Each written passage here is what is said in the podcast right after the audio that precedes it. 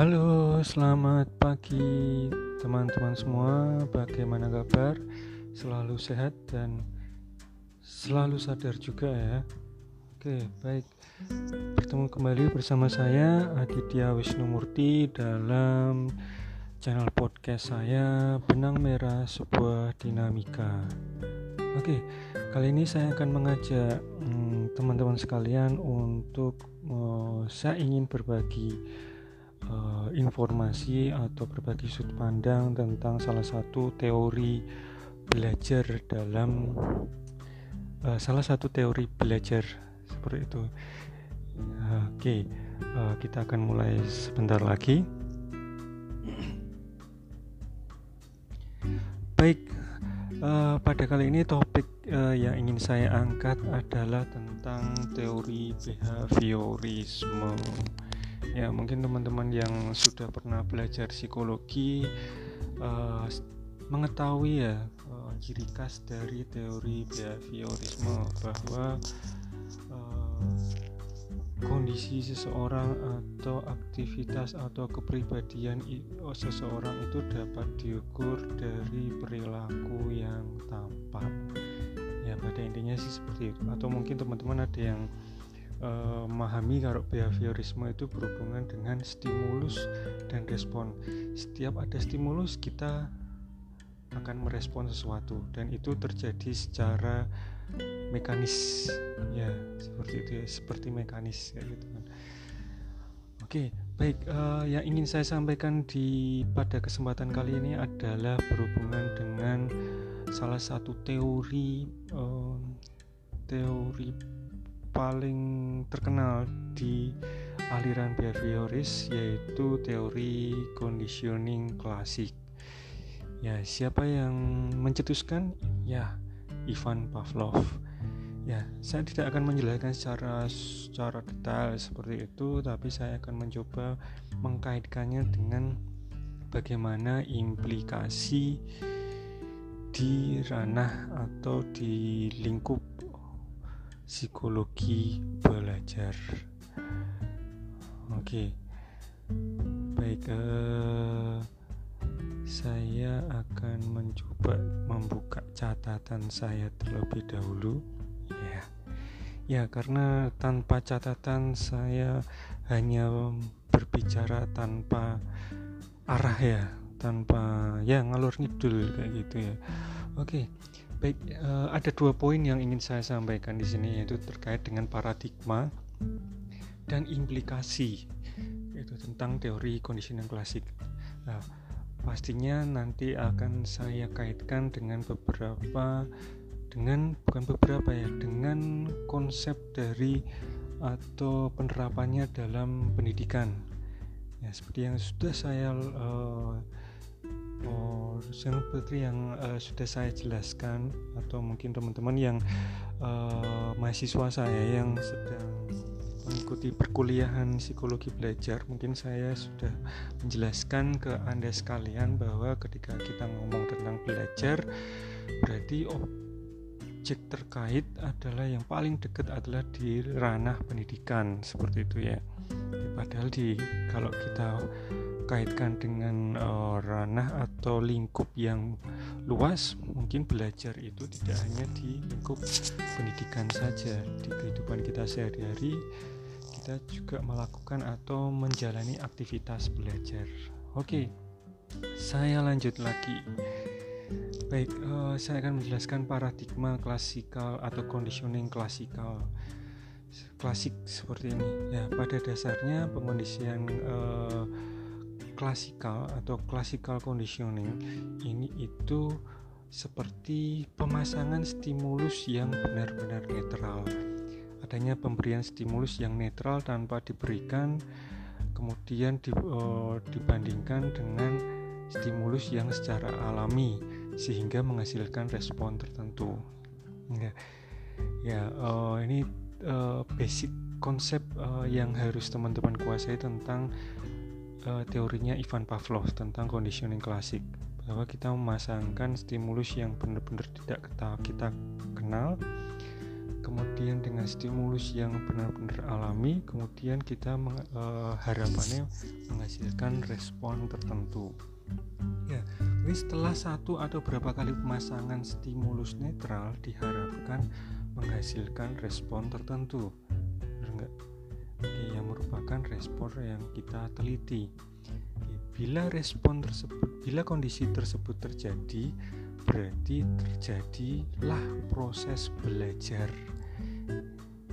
ya contoh saja eh, sebagian stimulus yang mengalami eh, eh, istilahnya shock listrik ya adanya tekanan listrik itu menghasilkan respon eh, penolakan Tuh. Dan biasanya respon penolakan itu tidak dihasilkan oleh stimulus netral seperti suara-suara tertentu Nah, tetapi kalau kita berikan secara berulang-ulang suara uh, tertentu, misal anggap suara klakson gitu ya, klakson kemudian dipasangkan dengan uh, kejut listrik, maka akan menghasilkan respon penolakan. Ya, kita semacam kaget gitu ya. Kalau uh, makanya sering kali ketika ada kelak uh, karena uh, kondisi seperti itu sudah dipelajari atau istilahnya diberikan berulang-ulang ketika kita mendengar klakson maka otomatis kita akan terkejut dan melakukan penolakan. Kayak gitu. Penolakannya apa pak? Ya macam-macam tergantung orangnya ya ya kayak itulah seperti tidak menutup telinga mungkin atau mungkin kaget atau mungkin langsung lari. Nah, responnya bermacam-macam. Lah setelah itu bila suara klakson itu disajikan sendiri nah, akan menghasilkan respon apa? Penolakan. Nah itu contohnya seperti itu. Ya itu paradigma yang harus teman-teman tahu terlebih dahulu. Ya secara garis umumnya sih seperti itu ya saya tidak akan me mencoba mengulangi lagi uh, konsep pengkondisian pengkondisioning klasik yang sudah sering diulas-ulas terus dalam uh, mata kuliah psikologi umum, psikologi kepribadian seperti itu. Oke, lah lalu bagaimana dengan implikasinya? Ya seperti tadi yang tadi saya sempat uh, uh, menjelaskan atau mengutarakan sedikit ya uh, sedikit pernyataan terjadi uh, pembelajaran ketika ya, ketika ada perilaku yang terjadi atau uh, respon yang ditimbulkan dari pemasangan antara stimulus netral dengan stimulus yang alami. Uh, sebenarnya kalau kita lihat teorinya itu teorinya Pavlov ini cukup sulit ya. Saya sendiri uh, membaca berapa kali uh, seakan-akan tidak menemukan contoh yang tepat untuk perilaku di kelas kayak gitu ya atau terkait dengan pembelajaran tapi yang saya tekan uh, yang saya ambil atau yang saya perhatikan di sini belajar ketika Anda membentuk respon baru membentuk respon baru yang membentuk respon baru yang telah terbentuk dari pemasangan stimulus yang ada gitu kan. Nah, seperti itu. Oke, kita coba mohon maaf, kita coba mencontohkan deh lewat uh, kondisi belajar. Ya, seperti ini ya. Uh, jadi uh, secara tidak sengaja ada uh, kondisi classical conditioning yang terjadi di dalam uh, kelas atau terjadi dalam proses belajar mengajar. Setiap kali suatu, suatu stimulus netral dikaitkan dengan kejadian yang menyenangkan atau tidak menyenangkan. Nah, dia. Oke, jadi terus uh, sebagai uh, kondisinya atau itunya apa dong? Uh, kondisi yang tidak kejadiannya ya mungkin Contoh, Oke, stimulus uh, Anda menyukai pelajaran apa yang tidak Anda sukai sampai sekarang? Mungkin matematika, gitu kan. Lalu kondisi atau kejadian apa yang menurut Anda tidak menyenangkan di situ? Oh, ada guru ternyata. Guru yang sangat otoriter, guru yang sangat agresif.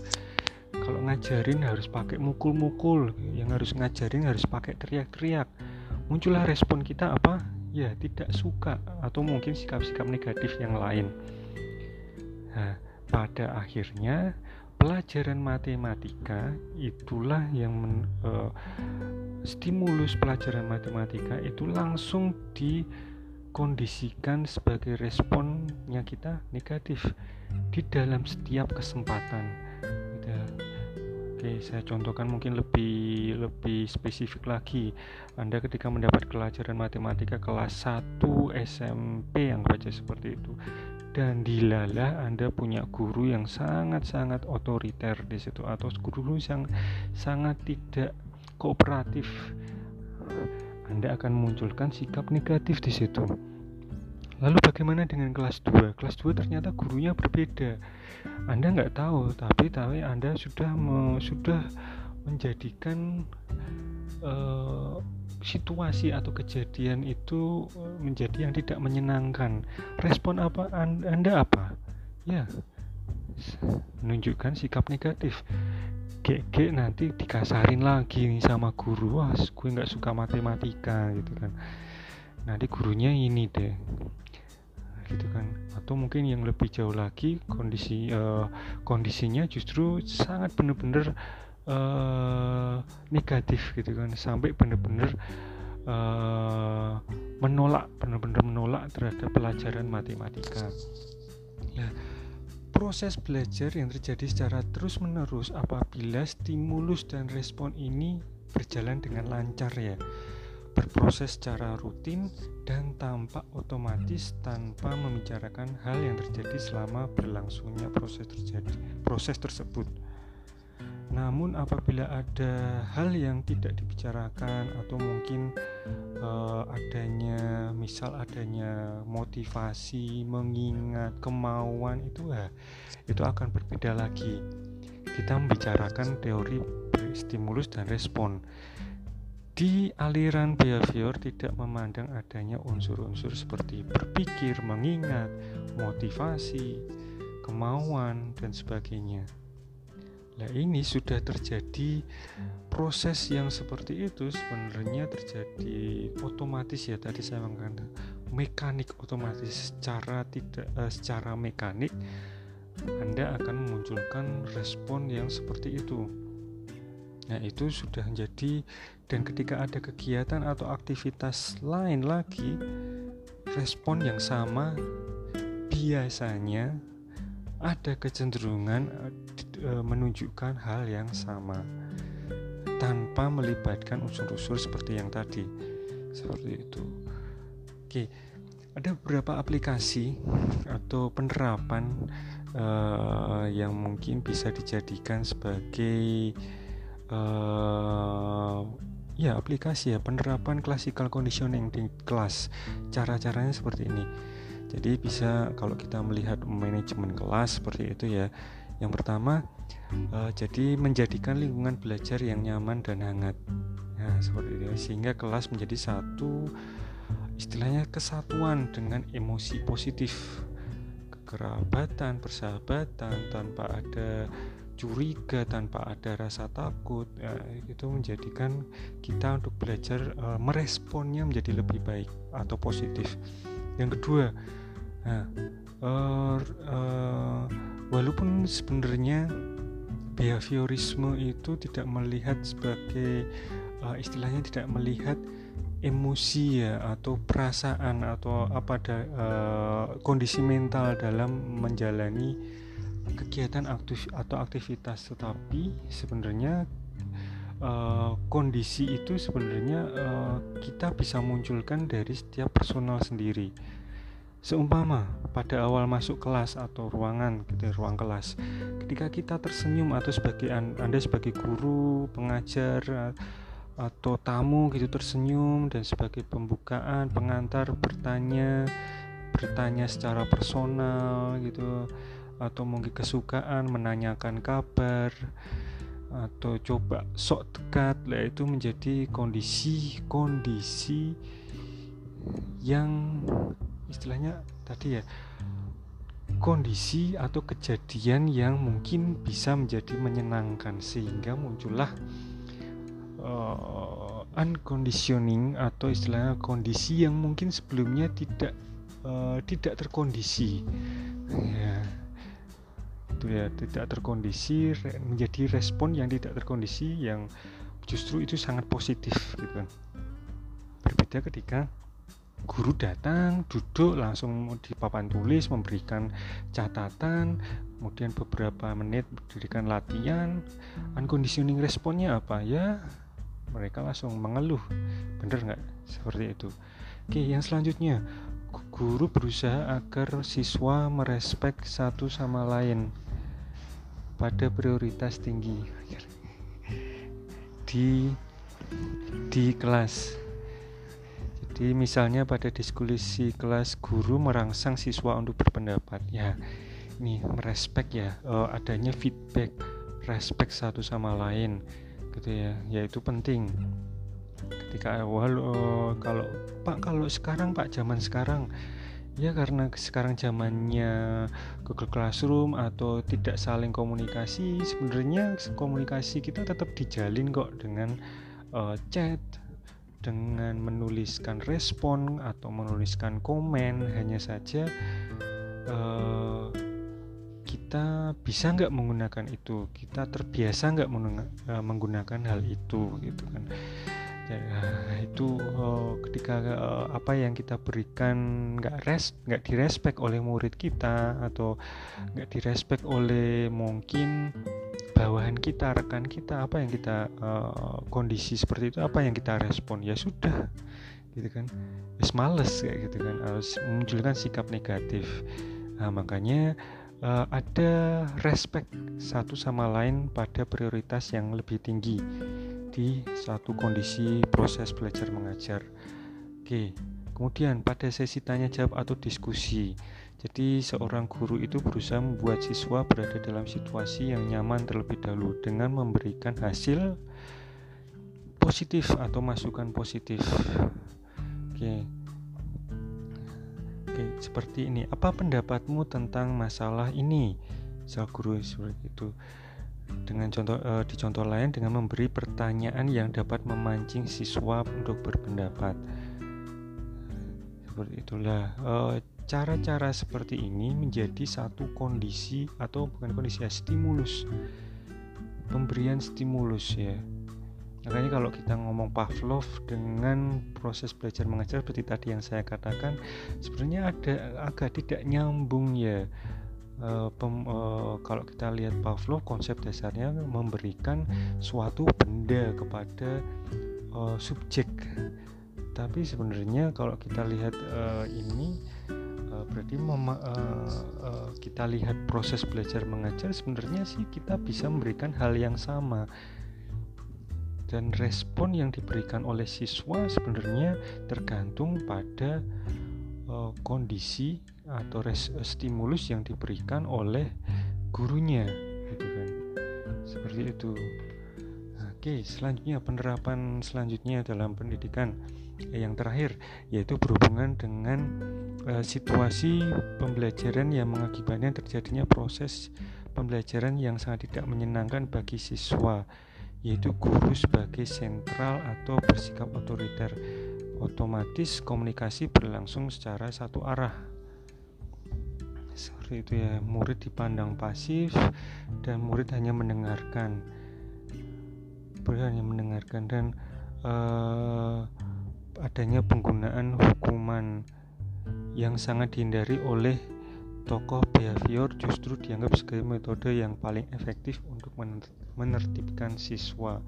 Nah, ini situasi uh, ini aplikasi atau penerapan yang sebenarnya uh, bertolak belakang yang saya bandingkan dengan penerapan-penerapan sebelumnya bahwa uh, kondisi atau stimulus yang diberikan uh, pada proses situasi proses belajar mengajar seperti guru yang otoriter, komunikasi yang berlangsung secara satu arah, guru hanya menentukan apa yang harus dipelajari, tidak boleh belajar yang lain, murid dipandang sebagai gelas kosong kayak gitu. Jadi murid hanya suruh mendengarkan diberi penghargaan kalau uh, sesuai diberi hukuman kalau salah. Nah itu eh, hal-hal uh, yang sebenarnya uh, kalau mungkin penganut aliran lain mungkin tidak cocok nah seperti karena proses seperti itu uh, proses itu sebenarnya memang untuk behavior. Bukan untuk behavior ya memang digunakan untuk menertibkan atau memanage kelas menjadi seperti apa yang diharapkan. Nah seperti itu ya. Itu cocok. Cocok. Tapi buat buat bagi yang non aliran behavior itu ada beberapa hal yang mungkin harus diperhatikan. Seperti penggunaan hukuman. Apakah apakah perlu dalam mendidik siswa? Kalau mungkin aliran behavior oke okay, nggak masalah. Karena itu untuk membentuk perilaku yang diharapkan. Nah, seperti itu. Nah, ini memunculkan diskusi baru uh, diskusi buat kita semua bagaimana implikasi behavior uh, classical conditioning ini bagi pendidikan kita? Ataupun lebih luas lebih spesifik bagi proses belajar mengajar kita. Itu ada positifnya ada juga negatifnya. Nah uh, bagi anda atau bagi kita semua yang pasti ada perubahan perilaku dari proses belajar itu yang terpenting terlebih dahulu. Itu kan. Oke okay. Baik, saya rasa cukup uh, informasi yang saya bagikan ke teman-teman semua. Terima kasih atas waktunya. Terus belajar, tetap sehat, selalu sadar.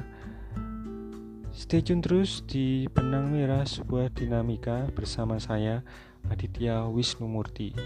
Ciao.